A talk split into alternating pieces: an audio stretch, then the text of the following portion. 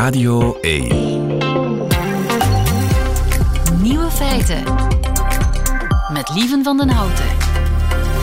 Dag en welkom bij de podcast van Nieuwe Feiten van 7 november 2022. In het nieuws vandaag dat niemand begrijpt wat de Europese Commissie zegt. Dat blijkt nu ook zwart op wit uit wetenschappelijk onderzoek. 45.000 persberichten zijn onderzocht die de commissie tussen 1985 en 2020 de wereld instuurde. En die zijn technocratisch geschreven en zitten vol vakjargon.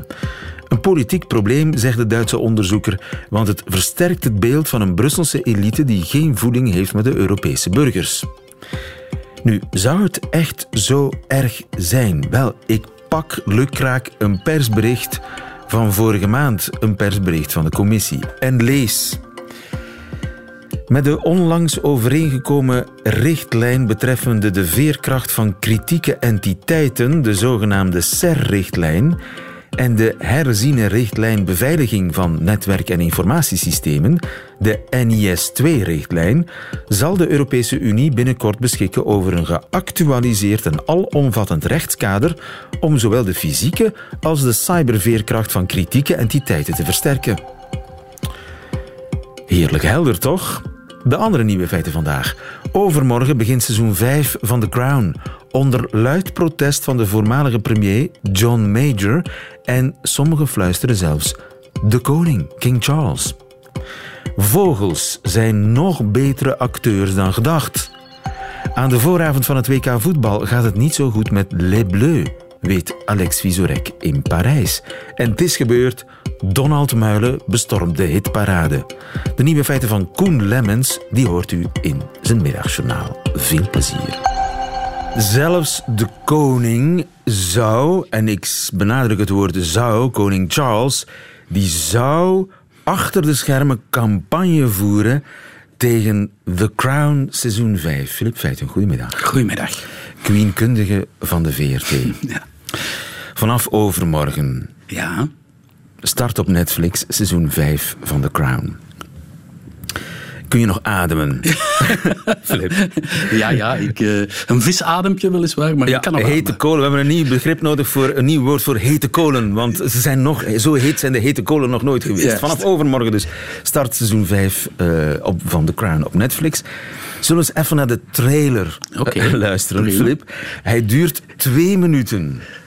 Maar Let's volgens mij is hij zo sterk dat hij op de radio ook werkt. Ben je er klaar voor? Zet de Ik schrap. sta helemaal klaar.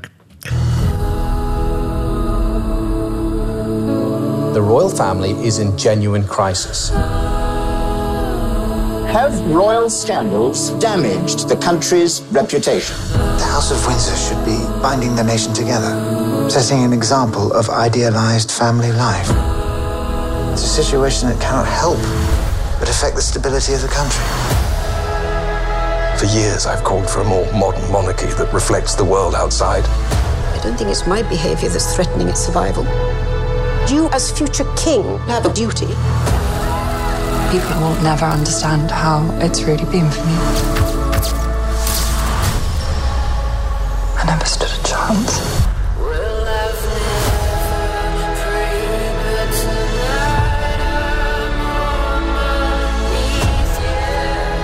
She's at breaking point because of the way she feels she's been treated. They see her as a threat. Remember the one condition, the one rule. You remain loyal to this family. Very silent. Yes, it's a system, for better or for worse. We're all stuck in it. It feels it's all about to erupt. She opens her mouth and hand grenades come out. She wants to tear down the temple. Let's go for it. What the hell is she doing? I won't go quietly. I'll battle till the end.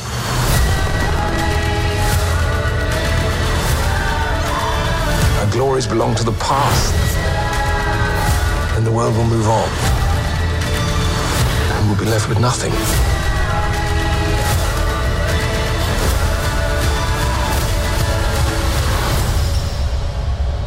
How did it come to this? Ja, ik moet er even bij slikken. Flip. How did it come to this? Hoe is het zo ver kunnen komen? En het mooie aan die trailer is, je herkent iedereen. Hè? Alleen al aan de stem. De. Queen, de, de, de Prins. Charles, Diana uiteraard. Mm. We zitten in de jaren negentig. Dat kun je ook horen aan die Enya-sound die toen zo opgang maakte. Mhm. Juist. En Bittersweet Symphony van The Verve. Een van de hits eh, van eh, ja, de jaren negentig. Ik geloof zelfs in 1997, het cruciale jaar. Ja. De jaren negentig, eh, de jaren waar, ja, waarop de troon, de queen op haar troon zat te wankelen. Hè, Filip? Ja, absoluut. Dat, die bewering in de trailer klopt in elk geval. Dit waren verschrikkelijk turbulente jaren voor eh, het Britse Koningshuis. Ja. Ja, waarin het sprookjeshuwelijk van Charles en Diana uit elkaar spatte. En ja, die oorlog die in de, in de, the media, de War of the Waleses, die in de, in de media werd gevoerd. Met, met, weet je nog, die, die koppen van eh, de, ges- de, de afgetapte telefoongesprekken. Over de- Tampongate. Tam, tampo, Il Tampocino werd hij genoemd, de, Ja. de huidige koning, Ja. omdat hij enzovoort. Ja, Ja. we, we gaan alle details niet verklappen. Nee. Overigens, het gekke is, veel mensen kennen alle details, maar zullen toch aan het scherm gekluisterd zitten om alles nog eens uitgebeeld te zien. Mhm. Nu, waar hebben we het over? Protest. Eerst en vooral, die speculaties dat de koning zelf, Charles, zich ja, ja, campagne zou voeren tegen de crown. Ja. Wat is daarvan aan? Eh, dat hij daar eh, heel ongelukkig mee is en bang voor is, voor zijn imago, dat zal wel kloppen. Dat hij zelf campagne voert, dat lijkt mij heel sterk. Zo gaat dat niet. Zo gaat dat niet. eh. Hij heeft daar mensen voor. Hij heeft daar mensen voor die dat misschien zelfs voor een stuk uit eigen beweging doen. Nu, de, er is een bewering dat hij in een vertrouwelijk gesprek met de toenmalige premier, John Major, zou gezegd hebben: de Queen is out of touch, eh, ze kan het niet meer. Eh, in het belang van het land moeten we haar vervangen. Eh, ja, dat lijkt mij om te beginnen, misschien is dat ooit wel eens door zijn hoofd gegaan, maar dat hij dat uitgesproken zou hebben tegen de premier, dat lijkt mij nu echt complete nonsens.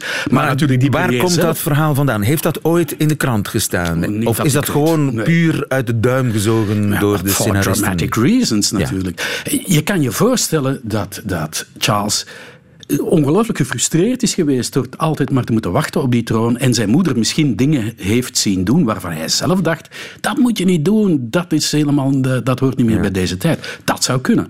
Maar eh, misschien heeft hij daar ook wel eens al lachend iets over gezegd tegen, maar die- dat gesprek, daar was niemand bij, dus niemand weet dat. Maar Ja, natuurlijk, behalve John Major zelf John natuurlijk. Major zelf. En die reageert dan, die hoeft dan niet eens te, een, een duwtje, een por in de rug te krijgen van Charles.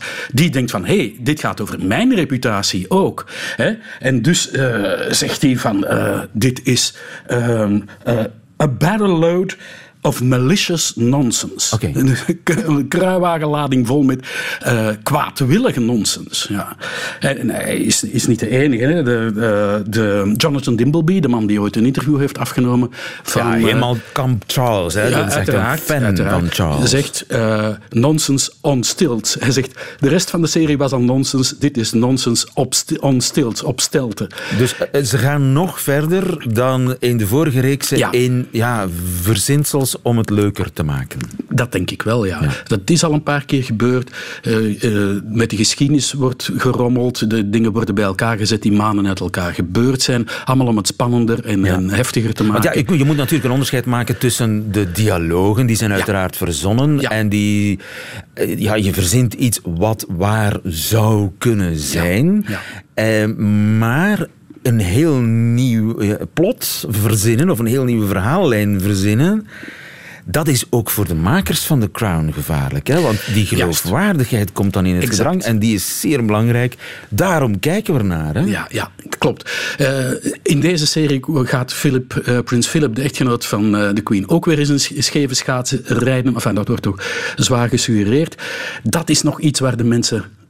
In vorige series was dat ook al het geval, nog wel mee willen. Maar als je echt iets gaat beweren waarvan de meeste mensen ook wel denken van... hmm, dat zou me verbazen dat dat echt gebeurd zou zijn. Ja, dan, dan zet je je eigen geloofwaardigheid als, als uh, seriemaker wel eens. En dus uh, de druk is zo groot geworden dat ze, om een disclaimer uh, te publiceren voor elke aflevering, zover zijn ze niet gegaan, maar ze gaan nu toch wel zeggen voor elke aflevering inspired by real events. Dat is nog geen excuus. Geïnspireerd door geïnspireerd... echt gebeurd. Dit is ja. fictie geïnspireerd, geïnspireerd door feiten. Dus ze zeggen niet van wij hebben gelogen, maar enfin, ze zeggen toch wel van het, eh, geïnspireerd door. Dat zou dus kunnen hè, ja.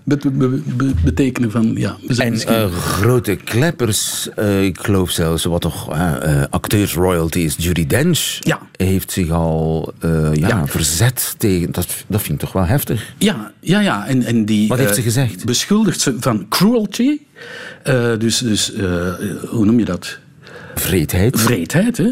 Uh, en, en zij zegt ook, wat jij nu net zei, hè, van de makers moeten zich wel een beetje bezinnen, want ze gaan hun eigen reputatie beschadigen.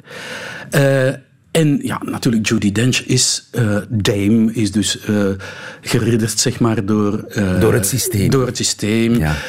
Um, zit ook in de Royal Shakespeare Society, waarvan Charles lange tijd voorzitter is geweest. Ik weet niet of hij het nog is.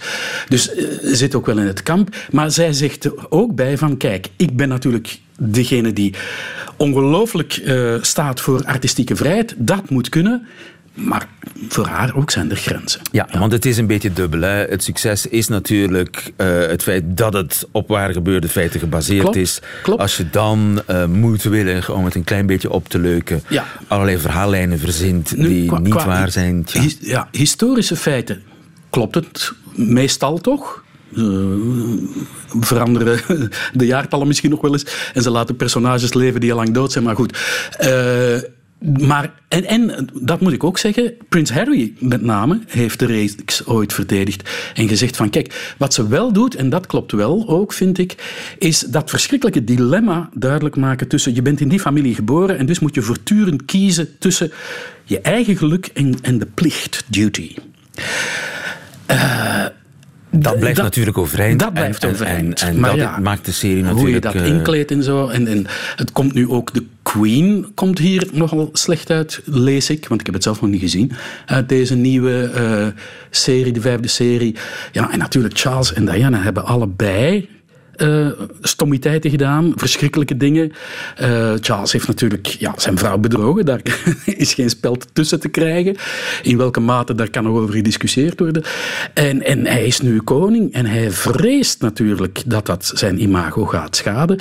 En uh, in de vorige serie, ja, de makers waren helemaal op de hand van Diana dat is natuurlijk ook niet helemaal zoals de werkelijkheid was. Er is wel wat aan te merken op wat uh, Diana allemaal uitgespookt heeft.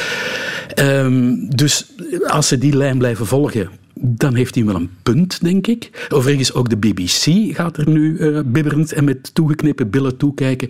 Want die hele episode van dat interview ja. dat Diana oh, gegeven heeft, oh, wordt oh, ook verteld met alle details die we ondertussen kennen. Dus de manier... Bedrog door de BBC om, om Diana erin te luisteren. Ja, ja. En, Genoeg en, stof. Ja.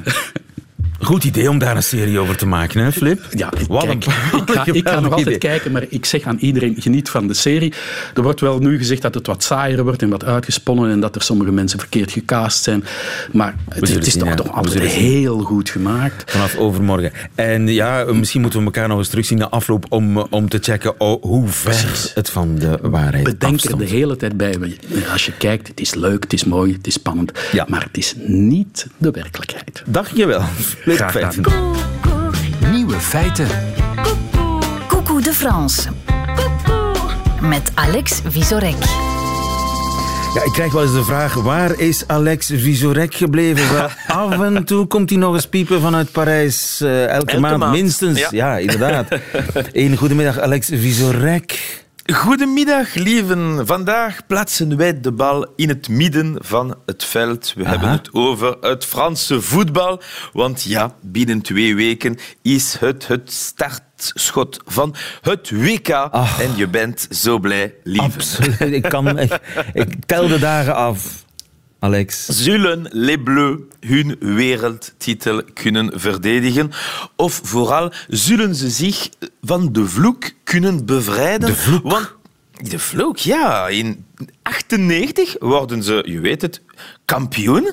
Vier jaar later was hun WK-parcours op dit manier samengevat door de satiristische show Les Guignols. Les yeux dans les bleus 3, une cassette de 12 secondes retraçant l'épopée de l'équipe de France en Corée, avec en bonus track les buts allemands. Het parcours van l'équipe de. France in Korea, samengevat in een videocassette van 12 seconden. Ja, met als bonus de eh Duitse doelpunten, van inderdaad. Duitsland. Ja. Oei, oei, oei. Dus in, in 2006 wordt Frankrijk vice-kampioen. Italië heeft dit WK gewonnen. Maar vier jaar later de woorden van een Franse sportcommentator. Cette bande de nazes, ils ne se rendent pas compte à quel point, mais à quel point, ils rendent triste des milliers et des milliers de personnes en France. Ils s'en rendent pas compte. Cette bande de nazes. Wat Ja. betekent dat? Eh, Geen nazi's, hè? sukkels. Ah ja, sukkels. Oké, ja. Ja, Les nazes. Ja, dat is het. Les nazes. Ze beseffen niet Ze bes- hoe ja. hard ze de Fransen teleurstellen.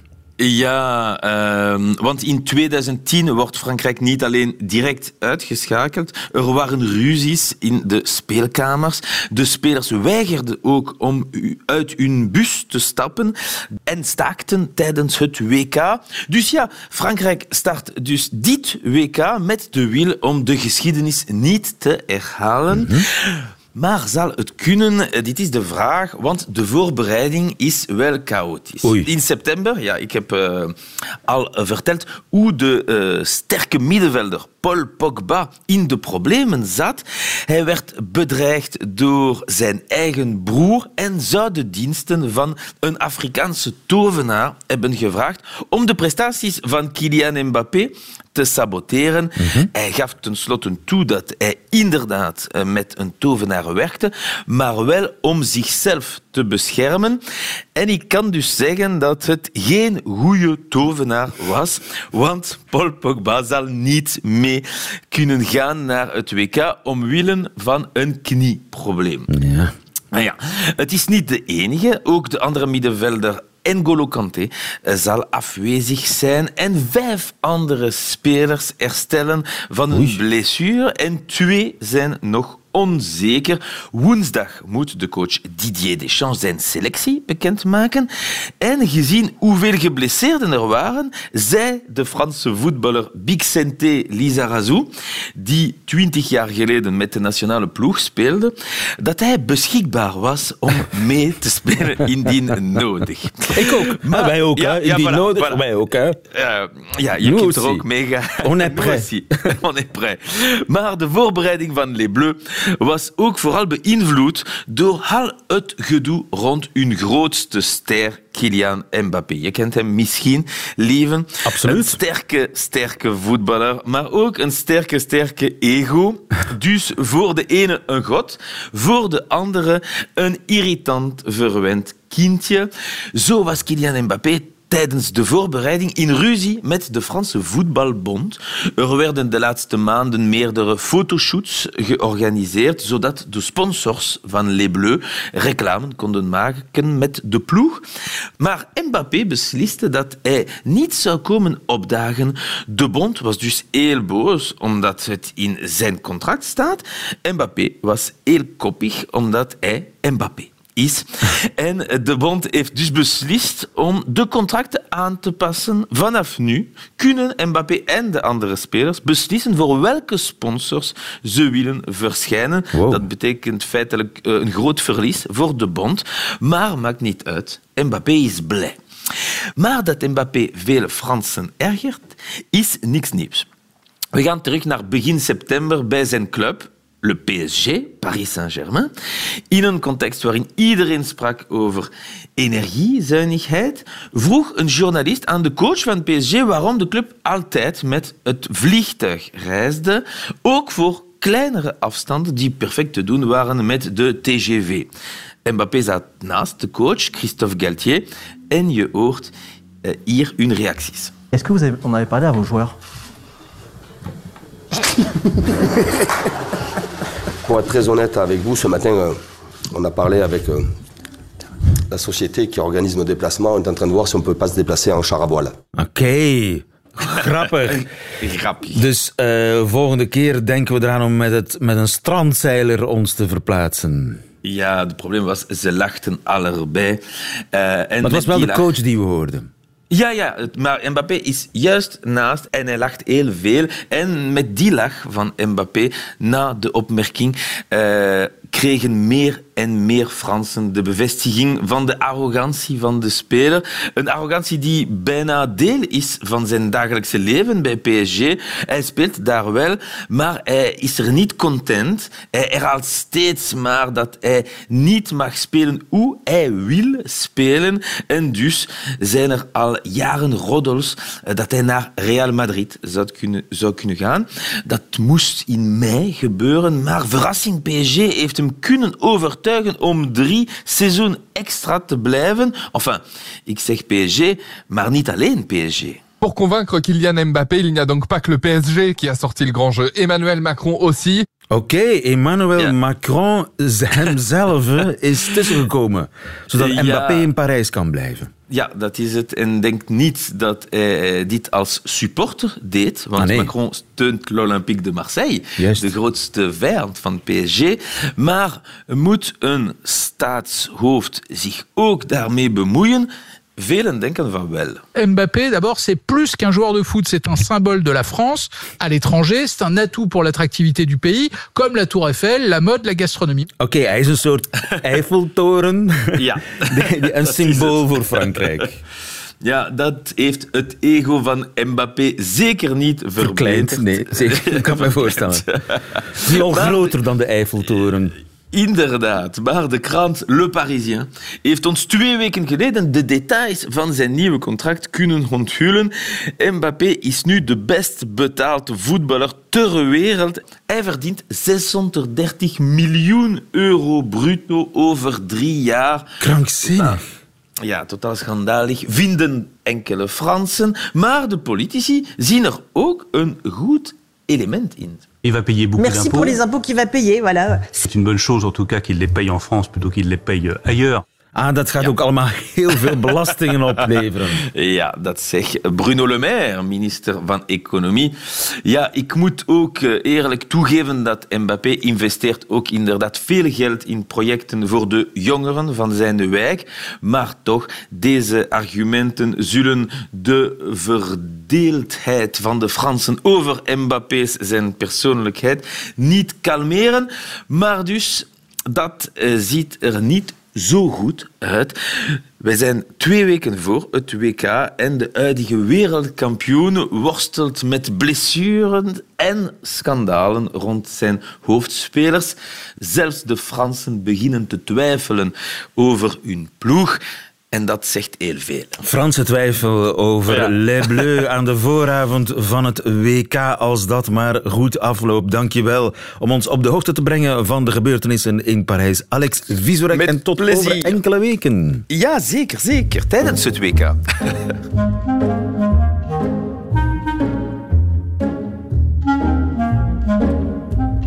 Nieuwe feiten.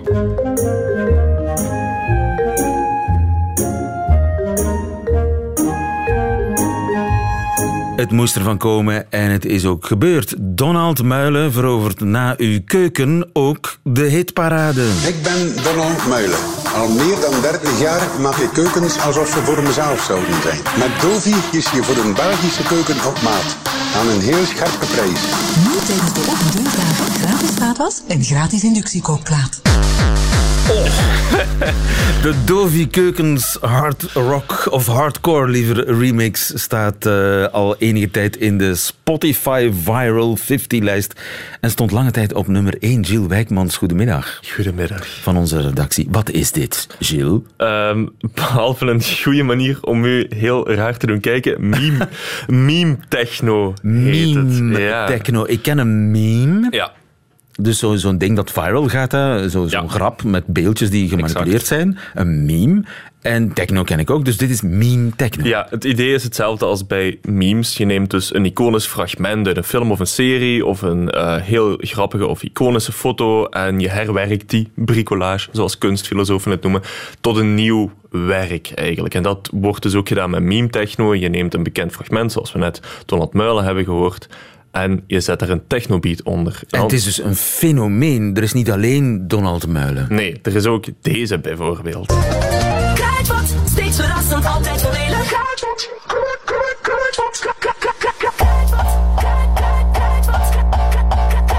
Jezus Christus. ja. Is, en, en nog? Ja, er, er is nog. Wat zeg je? Zeg, wat is dat zo? Pepamine. Maar nee, Samson, het is ketamine. Oh, oh, oh. Oh, ik wil dood. ik wil geheel dood. Samson en Gert ook. eh, en, en wordt daar dan echt op gedanst in de discotheek? Ontzettend hard, ontzettend hard. Ja, dus Donald Muilen stond inderdaad maandenlang op nummer 1 in de viral top 50 van eh, Spotify. Eh, andere artiesten zoals Vieze Asbak en Natte Vistik, die hebben bijvoorbeeld tussen de 750.000 en 850.000 maandelijkse luisteraars op Spotify. En vullen ook de weides van de Lokersfeesten bijvoorbeeld. Of Rampage, wat een enorm bekend dancefestival is En hier wie is, België. is dat Vieze Asbak of Natte die die Donald Muilen meme gemaakt heeft? Die Donald Muilen meme die komt van Pombak. Pombak? Pombak. En volgens mij hebben we die nu aan de lijn. Goedemiddag, Pombak. Hallo. Gefeliciteerd met je hit. Merci, merci. Is het tot nu toe je enige hit? Ehm, ik heb wel nog, extra, nog andere liedjes, maar die zijn natuurlijk minder populair. Eh, ik heb ook nog een remix van Impermo. Die is ook wel redelijk eh, bekend. Impermo doet het niet zo goed als Donald Muilen, ja. Maar die is wel allee, ook al redelijk populair. Ehm, maar ja, natuurlijk veel minder dan de Dove Keukens remix. Ja, en je wenst volledig anoniem te blijven? Eh, nee, ja. Ik, ehm, mijn, mijn, mijn collega's in, eh, in Nederland wensen wel anoniem te blijven. Maar ik Je doet niet uit niet echt sympathie. anoniem te zijn. Ja, ik vind het niet echt Maar zo, wat doe, wat, doe je, wat doe je voor de kost? ehm, ik zit nog op school. Ach. In het zesde middelbaar. In, het zesde middelbaar. Het voorspelt. eh, je moet nog. Oh, je bent dan toch. Nee, het is middagpauze. Je bent niet aan het spijbelen, toch? Ja, ja, ja. Eh, Nee, nee. Nu is het eh, middagpauze. En hoe ben je ertoe gekomen om meme techno te maken? Ja, ik had tijd te veel. En eh, ik wou eh, eens nieuwe dingen leren, zoals muziek maken. Maar eh, blijkbaar heeft het wel goed uitgepakt. Ja, wordt je daar nu rijk van? Ik heb nog voorlopig nog niet echt iets mee verdiend, maar, eh, Maar als je, als, al als in de Viral 50 evenement. op nummer 1 staat, dan, en, je, en je wordt ah. ook nog eens geboekt voor eh, evenementen. Weten je ouders het al? Dat, Pombak? ja, Ja. maar eh dat geld van Spotify komt nog. Eh, maar ik heb voorlopig nog niet echt eh, een duidelijk bedrag gekregen. Maar ik ben wel al geboekt voor evenementen, dus daar ga ik wel eh, inkomsten van eh, krijgen dan. Ja. Eh, dus daar kijk ik wel naar uit. En je hebt de kunst afgekeken van anderen. Waar, waar komt het eigenlijk vandaan, die hype? Mm, ik, ik luisterde wel Vieze Asbak en zo, van die mensen die, eh, die muziek al een beetje maken, maar ik had nooit echt intentie om daar ook echt zo op die hype in te spelen. Ik, ik deed dat eerder gewoon... Voor de lol. Even eh, kijken of ik het kan. En, ja, of, ja, of zoiets. en ik had rest- nooit echt gedacht van ik ga ook zo een eh, artiest worden. Eh, en voor je het weet ben je op de radio. DJ Ja. Pombak. Eh, braaf zijn voor de rest in de les. Wat heb je nog? Aardrijkskunde? Eh, eh, Nederlands en eh natuurwetenschap. Goed opletten, hè, want eh, ik wil geen buizen zien. Toch gefeliciteerd met eh, eh, Donald Muilen remix, de hardcore remix, eh, Pombak, Dank DJ wel. eh, Pombak. En flink opletten. Eh, Overigens, eigenlijk is dat zo oud als de straat, hè, want toen hè, de voormalige premier van den Boeinans werd ontvoerd en weer vrij kwam, wat gebeurde er toen? Ah, voilà, een persconferentie. En wat gebeurde er daarna van de ja, legendarische persconferentie? Werd een soort van ja, meme techno avant la lettre gemaakt.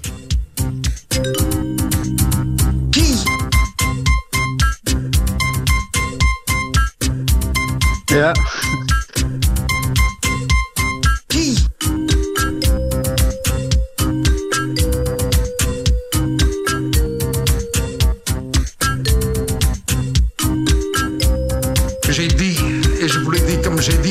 je me suis dit,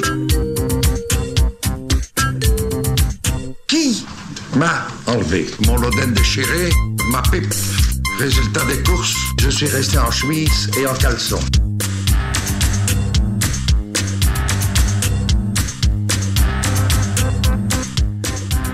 Plus loin, dans le nord, que le nord, au Pakistan. Hey, wacht, wacht, wacht, savais.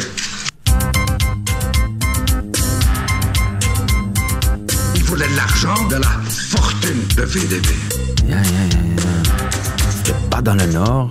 Plus loin que le Plus nord. Ah, que si j'étais dans le nord. Que c'était loin. Que c'était loin. Eh, plus loin que le nord. Ook ici. Si. C'était dans le nord que c'était loin.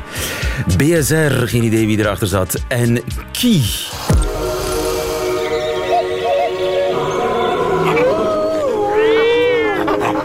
Nieuwe feiten. Vogels die kunnen veel beter toneel spelen dan gedacht. Dirk Drouwlands, goedemiddag. Goedemiddag, lieven. Bioloog des Vaderlands en knakjournalist ook. Het zijn collega's van jou van het Max Planck Instituut. Die hebben onderzocht de, de acteerprestaties van vogels. Ja. Het is iets dat eigenlijk relatief bekend is in kringen van vogelkenners. Eh, Vogels onze kunnen toneel spelen. Ja, onze eenden doen het, onze kievieten en plevieren doen het. Dus het is een, eh, eigenlijk een klassiek gedrag dat al honderden jaren bekend is. Oh ja? Van vogels, als er een roofdier in de buurt van hun nest komt, gaan die doen alsof ze een gebroken vleugel hebben. En dat ze dus eigenlijk heel kwetsbaar zijn. En zo verwijderen ze eh, zich stilletjes aan van het nest. En het roofdier dat denkt van, ah, dat is een gemakkelijke prooi, gaat daar achteraan. En als ze dan ver genoeg van hun nest verwijderd zijn, dan gaan ze vliegen tot stomme verbazing van een aanvaller. Dus die strompelen zo'n beetje het nest uit en, en, en weg in de hoop een, ja, een roofvogel of roofdier aan te trekken en dan dat roofdier van het nest af te leiden. Ja, het is zelfs meer dan strompelen. Hè. Ze bootsen dus echt de gebroken vleugel na. Ze slepen zo echt precies een gebroken vleugel mee. Het is echt bizar om te, om te zien. En dat, bepaalde vogels doen dat en andere vogels ja, doen dus dat men had niet. gedacht dat dat eigenlijk iets typisch was voor, voor vogeltjes die, die in, een- in- op een open landschap broeden, hè, zoals op een strand bijvoorbeeld, of die kwetsbare kuikentjes meezeulen, zoals kuikentjes die direct nadat ze uit het ei gekomen zijn hè, mee, meezwemmen met de, met de moeder bijvoorbeeld, in het geval van eenden.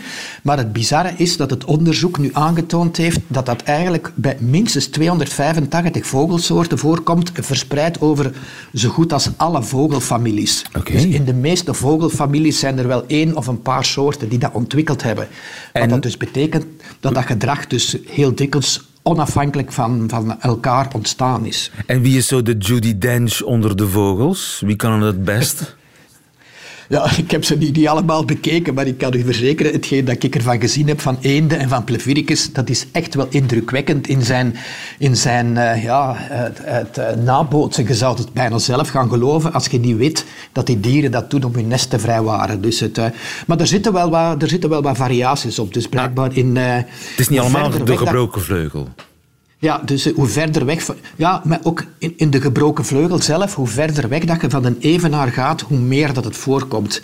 En dat heeft bijvoorbeeld te maken met het feit dat het daar dan langer licht is, dat het meer kwetsbaarheid is voor roofdieren en dat er dus een grotere kans is dat dat gedrag daar, eh, daar ontstaat. En vogels gaan het ook gebruiken als ze, als ze echt last hebben van roofdieren, naast andere elementen, zoals die roofdieren aanvallen of, eh, of minder lang broeden, zodat hun nesten minder kwetsbaar zijn. Dus het is meestal, als de, als de druk van roofdieren hoog is, komt er eigenlijk zo'n pakketje waar dat, eh, de gebroken vleugel dikwijls een onderdeeltje van is. Ja, maar dus de gebroken vleugel is maar één deel van het acteursrepertoire. Er zijn nog andere Ja. dingen.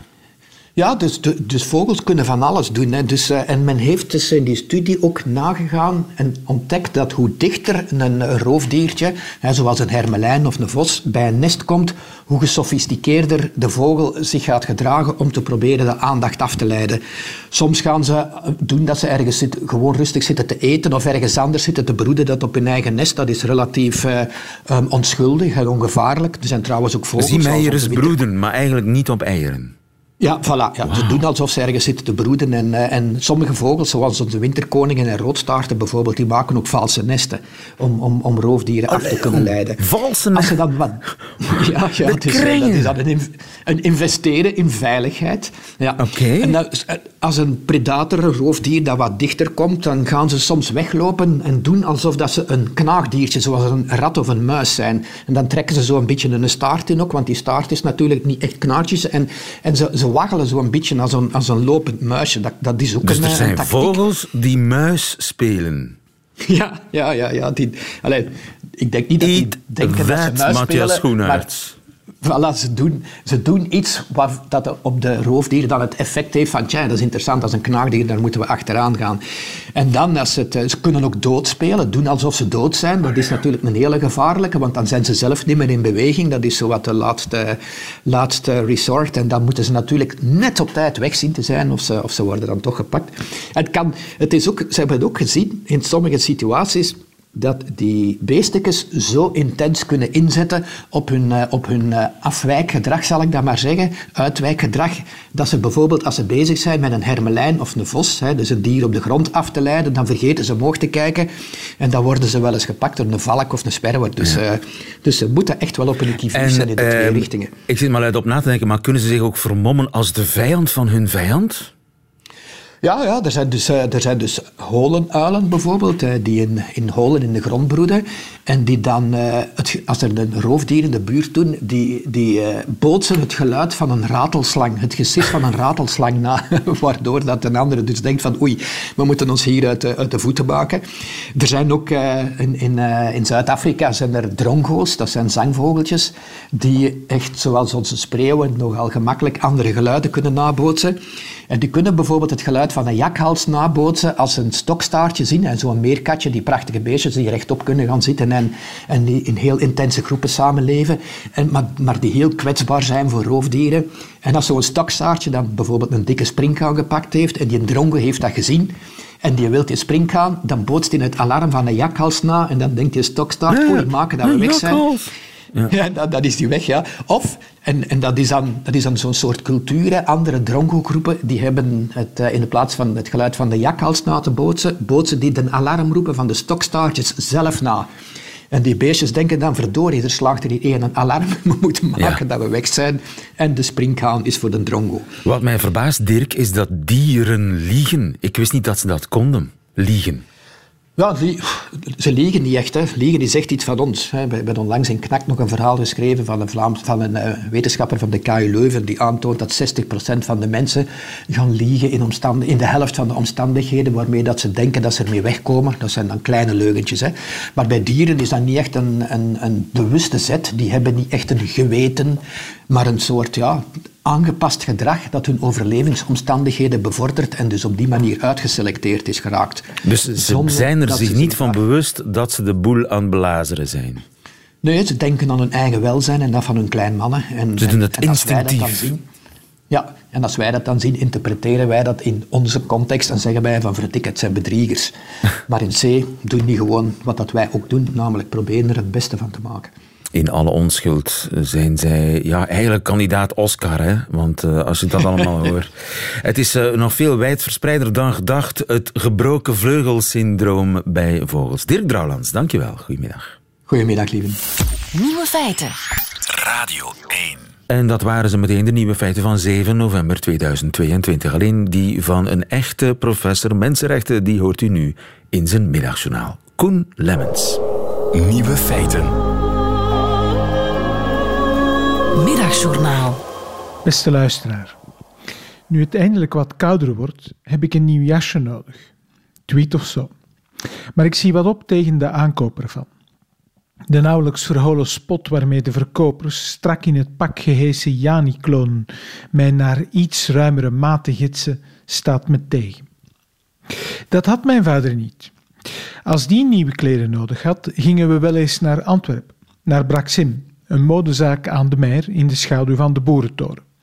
Alles aan die winkel ademde degelijkheid uit. De kleding, uiteraard, maar toch vooral de verkoopsters. In mijn herinnering deftige dames van een zekere leeftijd, die naar namen als Marie-Claire, Helijn of Godelieve luisterde. Ze spraken algemeen beschaafd Antwerps, een taal die minder met het Nederlands gemeen heeft dan met het lokale dialect. Het is mortsel dat schilde willen zijn. En het Frans kronkelt er behagelijk in rond. Het dessin van de kostuums is deze zo'n carreau. Elle hebben ook Pied de Poule of Prince de Galles. Die stijl. Het wonderlijke was dat deze vrouwen zich zelden tot de klant zelf richten, maar bijna altijd de meegereisde echtgenoten aanspraken. Deze brok zit hem als gegoten. De hem in kwestie, een Julien, Roger, maar het kon ook een Herman zijn, trok intussen zijn buik in en ging een paar keer ongemakkelijk door de knieën om te zien of een en ander niet te fel knelde. Zit ze goed aan de zolder? Af en toe, inderdaad, werd de mening van de betrokkenen wel direct gevraagd. Je moest een verkoopster van Braxim niet uitleggen wat er essentieel is aan een broek. Op hun best waren ze als er een jasje, zucht maar een vest, moest gekocht worden. Julien, Roger of dus Herman waren intussen mannen van een zekere omvang geworden. En de tijd van maat 48 was onherroepelijk voorbij. Zo'n Braxim-verkoopster zag dat ook wel. Maar terwijl de echtgenote wat rolloogde of afkeurende blikken op de embonpoint van haar man wierp, reikte zij onverstoord, zonder enige vorm van fatshaming, een 52 of een 54 aan en gaf ze een stille wenk mee. Tegenwoordig knopen zijn vest niet meer dicht. Om af te sluiten met het klassieke amen. Voilà, se, verzaan carreur mag hem dat gerust hebben. Wie die zegen kreeg, kon na gedane zaken nog blijmoedig een terrasje doen. Nieuwe kleren, een nieuwe look en de goedkeuring van Godelieve. Daar past een bolleke bij. Dat, beste luisteraar, zou ik ook eens graag willen dat zo'n verkoper zijn door Vogue en Cosmopolitan geconditioneerd ego even opzij zet en de magische bezwering zou uitspreken. Voilà, meneer, verraai carreur, moet u dat gerust hebben.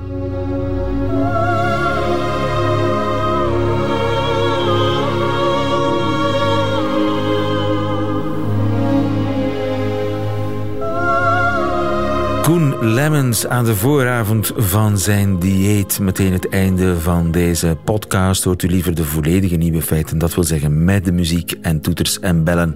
Erbij de live uitzending. Dat kan natuurlijk elke werkdag op Radio 1 tussen 12 en 1. Of on demand via de Radio 1 app of website. Tot een volgende keer.